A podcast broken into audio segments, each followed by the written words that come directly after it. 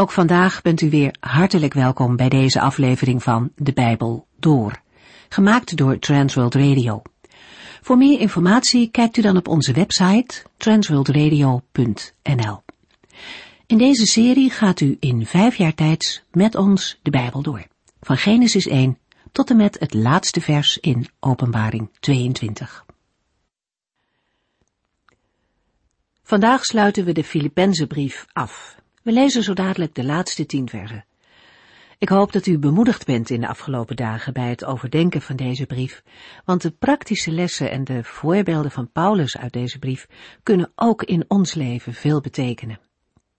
Het kan zijn dat u vragen heeft over wat u heeft gehoord, dan vinden we het fijn als u ons belt. Dat kan tijdens kantooruren 0342 478432 of stuurt u ons een e-mailtje info at transworldradio.nl We kijken nog even terug naar de vorige studie. In vers 8 van Filippenzen 4 rondt Paulus zijn onderwijs af. Hij besluit met de aansporing om goede dingen te bedenken. Zijn opzomming in dit vers is wel eens de kortste levensbeschrijving van de Heer Jezus genoemd. En inderdaad, wanneer we gaan denken op de manier die hier wordt genoemd, dan gaan we ook meer op Jezus lijken. Ook in onze omgeving zal dat zichtbaar worden. Wanneer onze gedachten gericht zijn op Christus, kan de praktijk niet achterblijven. Paulus koppelt deze verse over denken en doen aan de belofte dat de Heere God van de vrede met ons zal zijn, als we zo leven.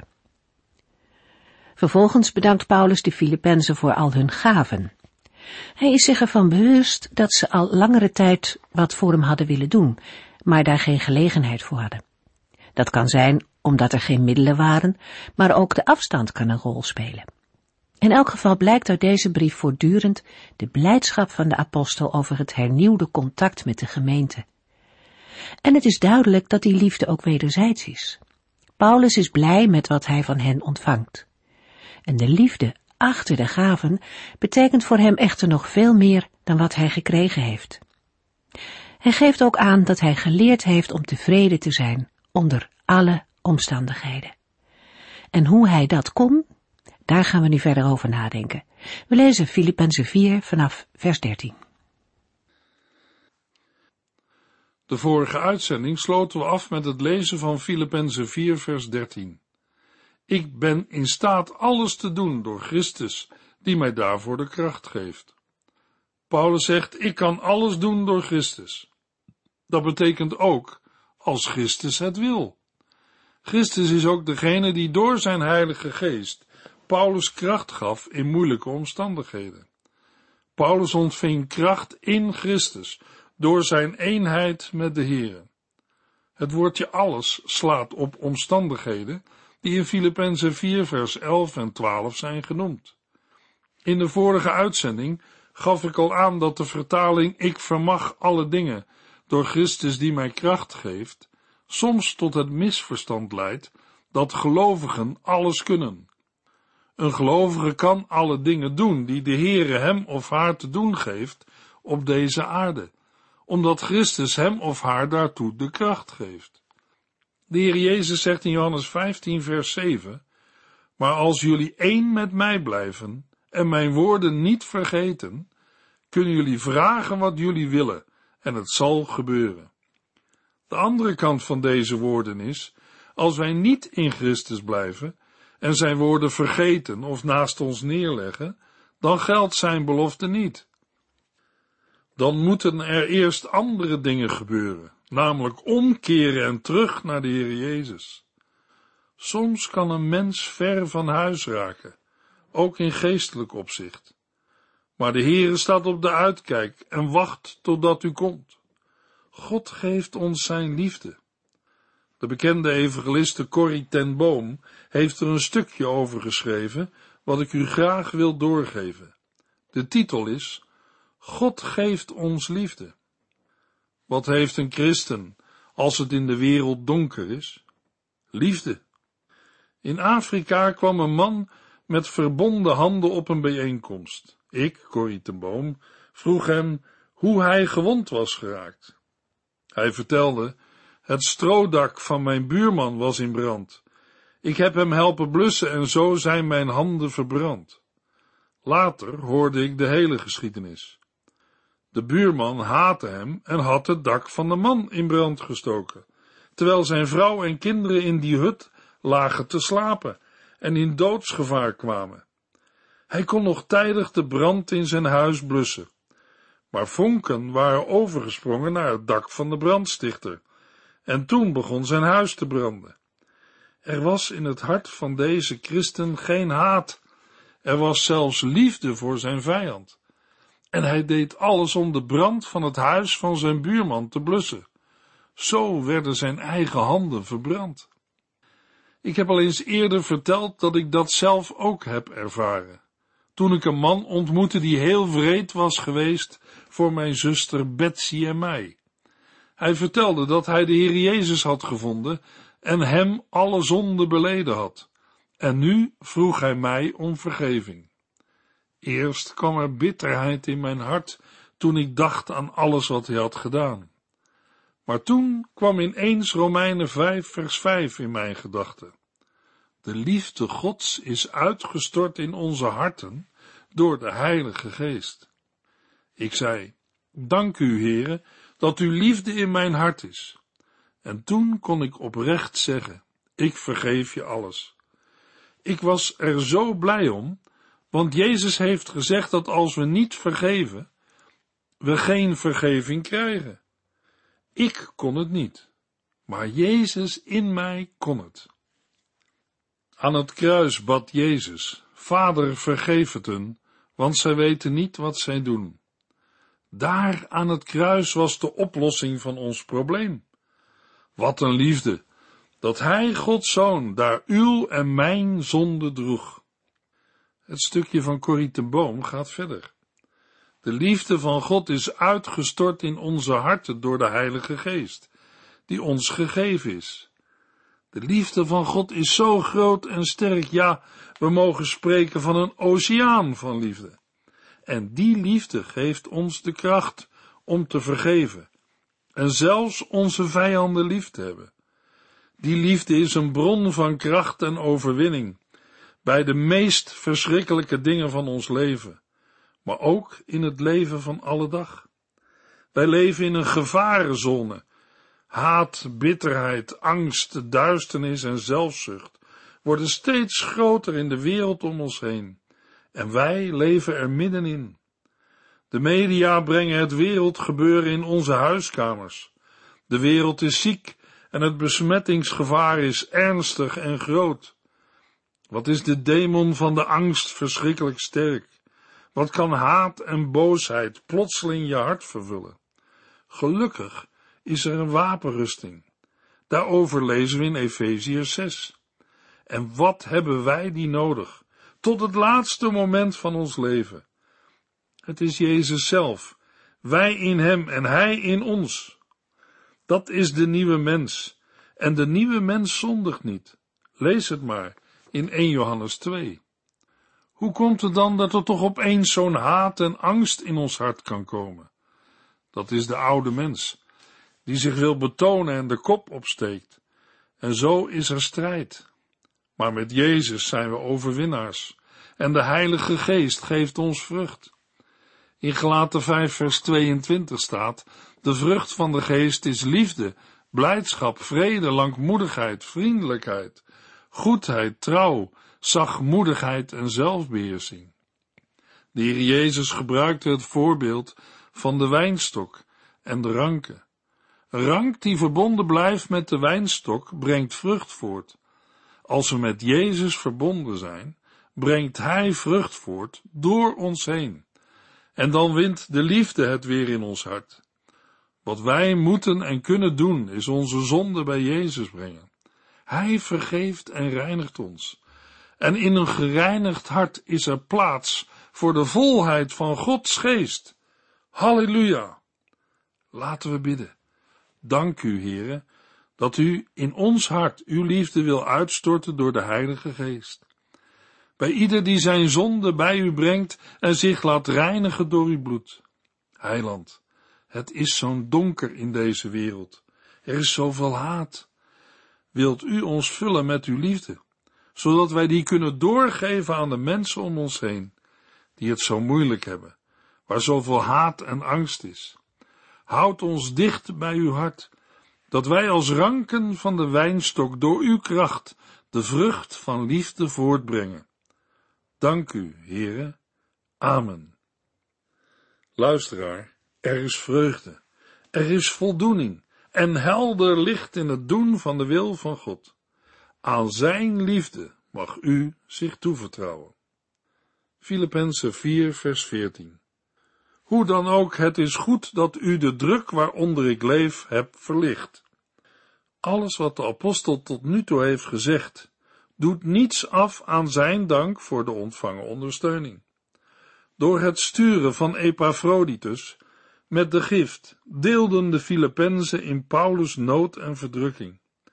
Ook al had Paulus het zonder de steun van de Filippenzen kunnen stellen, uit de woorden hoe dan ook wordt duidelijk dat hij hun gift wel degelijk waardeert.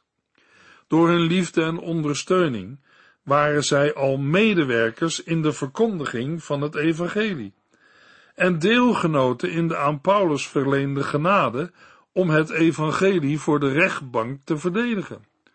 Nu zijn ze ook deelgenoot van de druk waaronder Paulus leeft.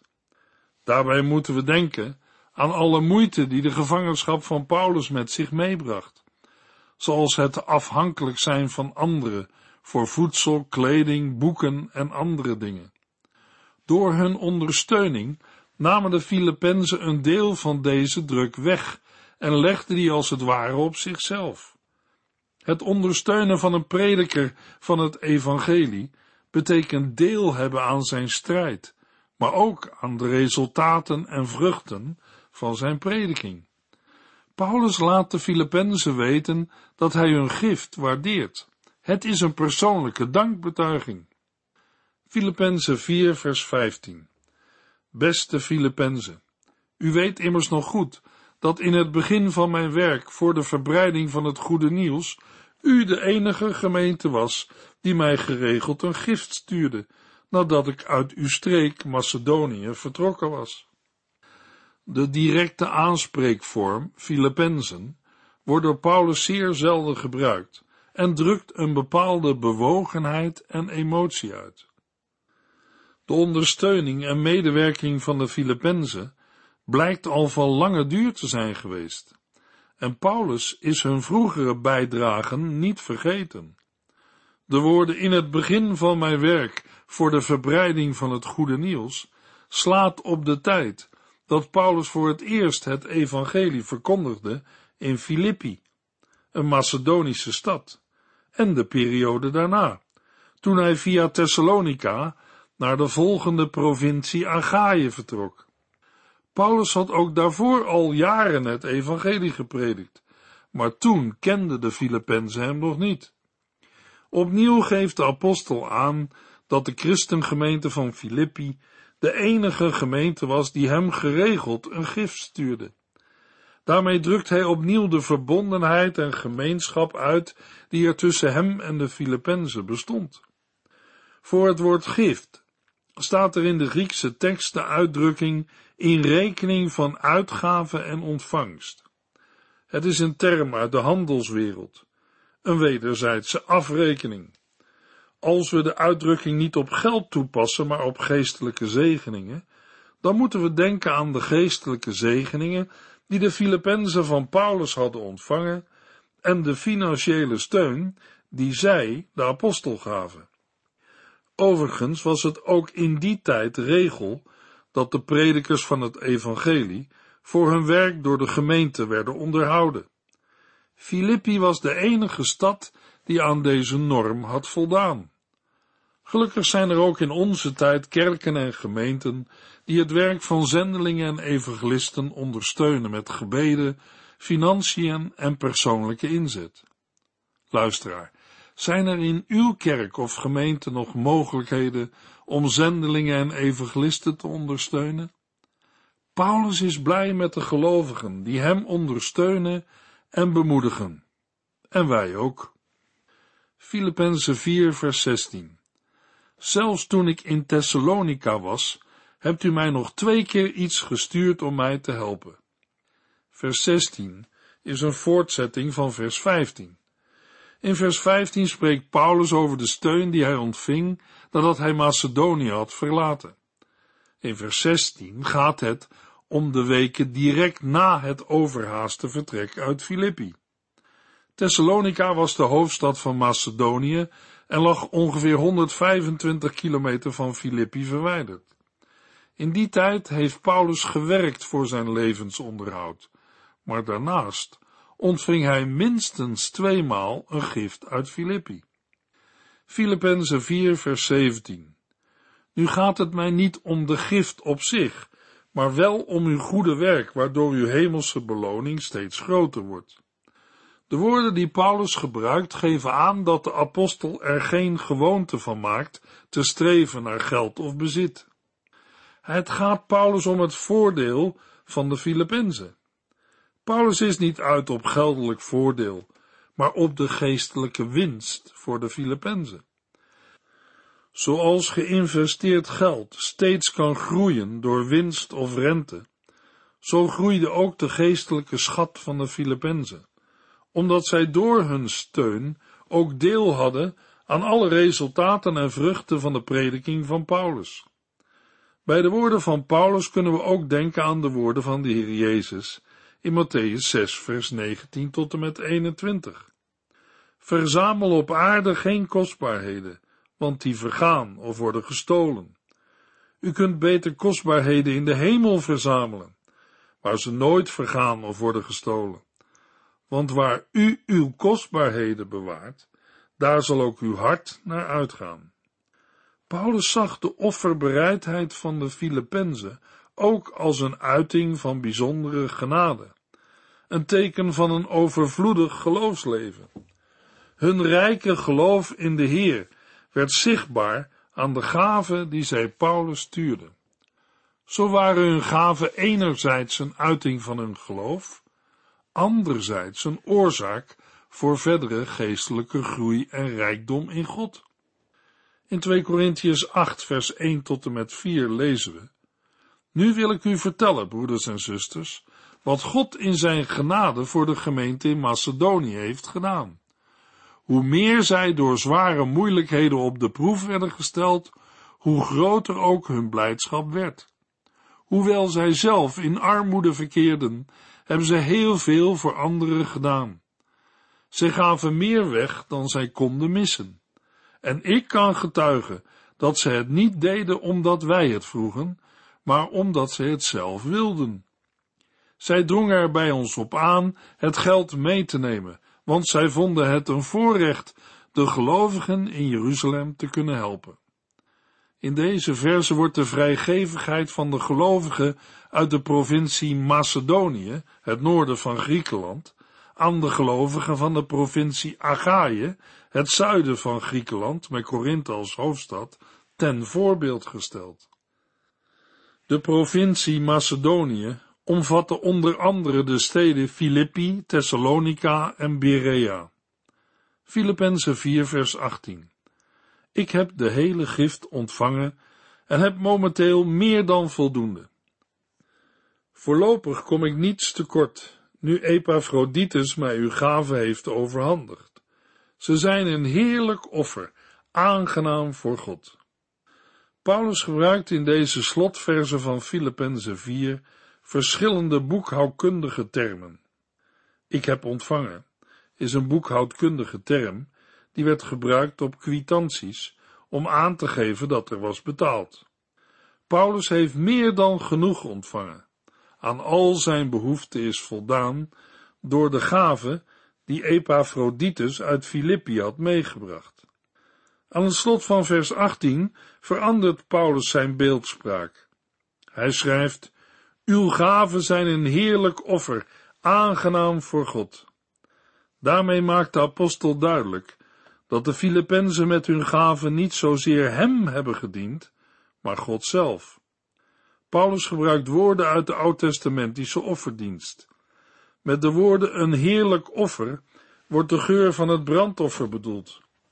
In Genesis 8, vers 20 en 21 lezen we, en Noach bouwde een altaar voor de Heere, en hij nam van al het reine vee en van alle reine vogels en bracht brandoffers op dat altaar. En de Heere rook die aangename geur. En de Heere zei in zijn hart, ik zal de aardbodem voortaan niet meer vervloeken vanwege de mens. Het is voor ons mensen moeilijk voor te stellen dat de geur van een brandoffer aangenaam kan zijn, maar voor de Heere was het een heerlijk geurend offer. In Exodus 29 vinden we eenzelfde voorbeeld bij de instructies voor de inwijding van Aaron en zijn zonen. We lezen in vers 18, U moet tenslotte de hele ram op het altaar in rook laten opgaan.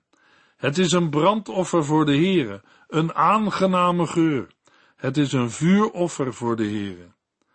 Deze uitdrukking wordt in Efeziërs 5 vers 2 ook gebruikt voor het offer van Christus aan het kruis. God nam dit offer van Christus aan. Het was als een heerlijke geur voor hem. Paulus zegt tegen de gelovigen in Filippi, uw gaven zijn een heerlijk offer, aangenaam voor God.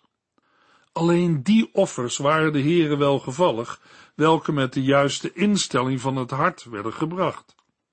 Gelovigen hoeven vandaag geen oud-testamentische offers meer te brengen, maar wel offers die de Heere waardeert. Wat dat voor offers zijn, lezen we in Hebreeën 13 vers 15 en 16. Met de hulp van Jezus zullen wij God altijd blijven eren. En ons offer aan God is dat wij openlijk voor Jezus uitkomen. Wees goed voor anderen en deel uw bezit met hem, want dat zijn offers die God waardeert. Een andere aanwijzing vinden we in Romeinen 12 vers 1, waar Paulus schrijft, Ik zeg u daarom, vrienden, dat u zich helemaal aan God moet wijden.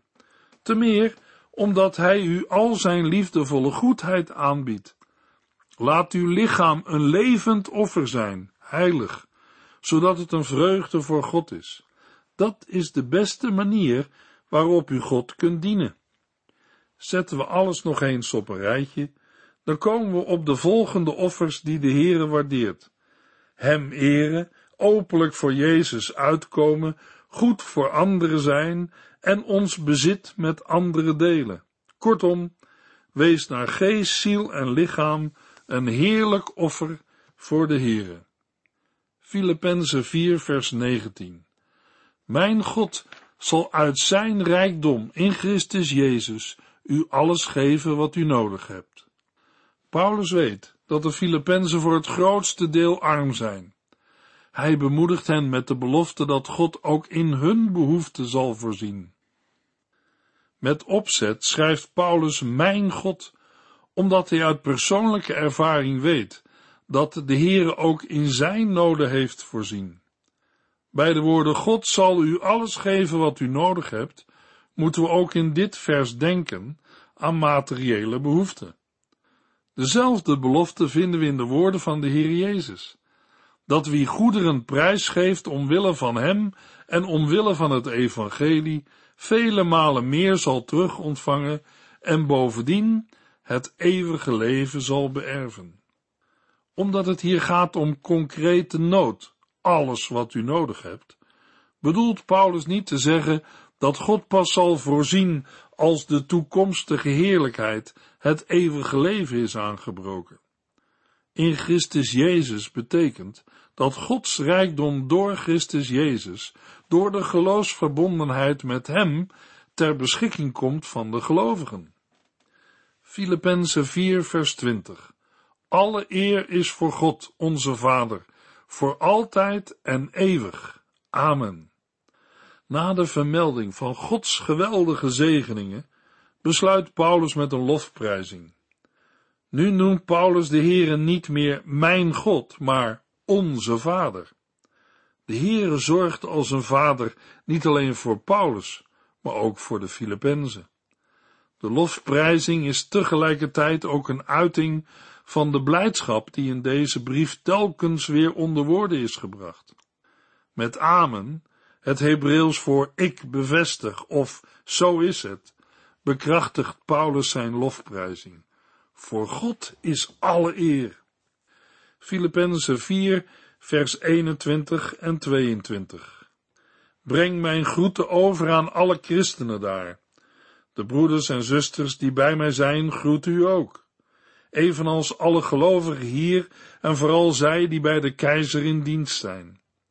In vers 21 en 22 volgen nog een aantal groeten.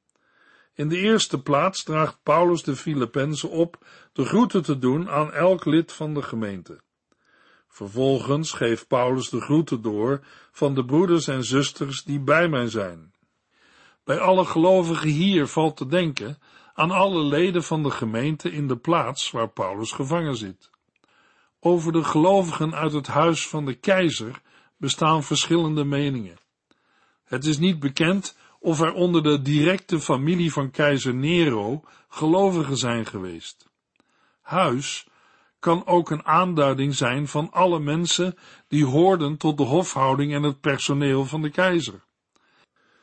Ten slotte vielen ook lager personeel en slaven, die weliswaar het eigendom van de keizer waren, maar toch niet altijd in Rome woonden, onder het huis van de keizer. Paulus sluit af met een zegenbede. Filippenzen 4 vers 23. Ik wens u toe dat de genade van de Heer Jezus Christus met uw geest zal zijn. Luisteraar, aan het slot van de programma's over de brief van Paulus aan de Filippenzen is dat ook onze wens en bede voor u en jou. De volgende uitzendingen gaan over het Bijbelboek Prediker uit het Oude Testament. U heeft geluisterd naar De Bijbel Door, in het Nederlands vertaald en bewerkt door Transworld Radio. Een programma waarin we in vijf jaar tijd de hele Bijbel doorgaan. Als u wilt reageren op deze uitzending of u heeft vragen, dan kunt u contact met ons opnemen. Tijdens kantooruren kunt u bellen op 0342 47 8432. 0342 47 8432. Ook kunt u een e-mail sturen naar de Bijbel door at en natuurlijk kunt u ook via de post ons bereiken. TWR, postbus 371, postcode 3770, AJ in Barneveld. Dit programma werd gepresenteerd door Cor Weda en Ike André. Techniek was in handen van Odin van Voerkom. En wij allemaal bedanken u voor het luisteren. Graag tot de volgende keer.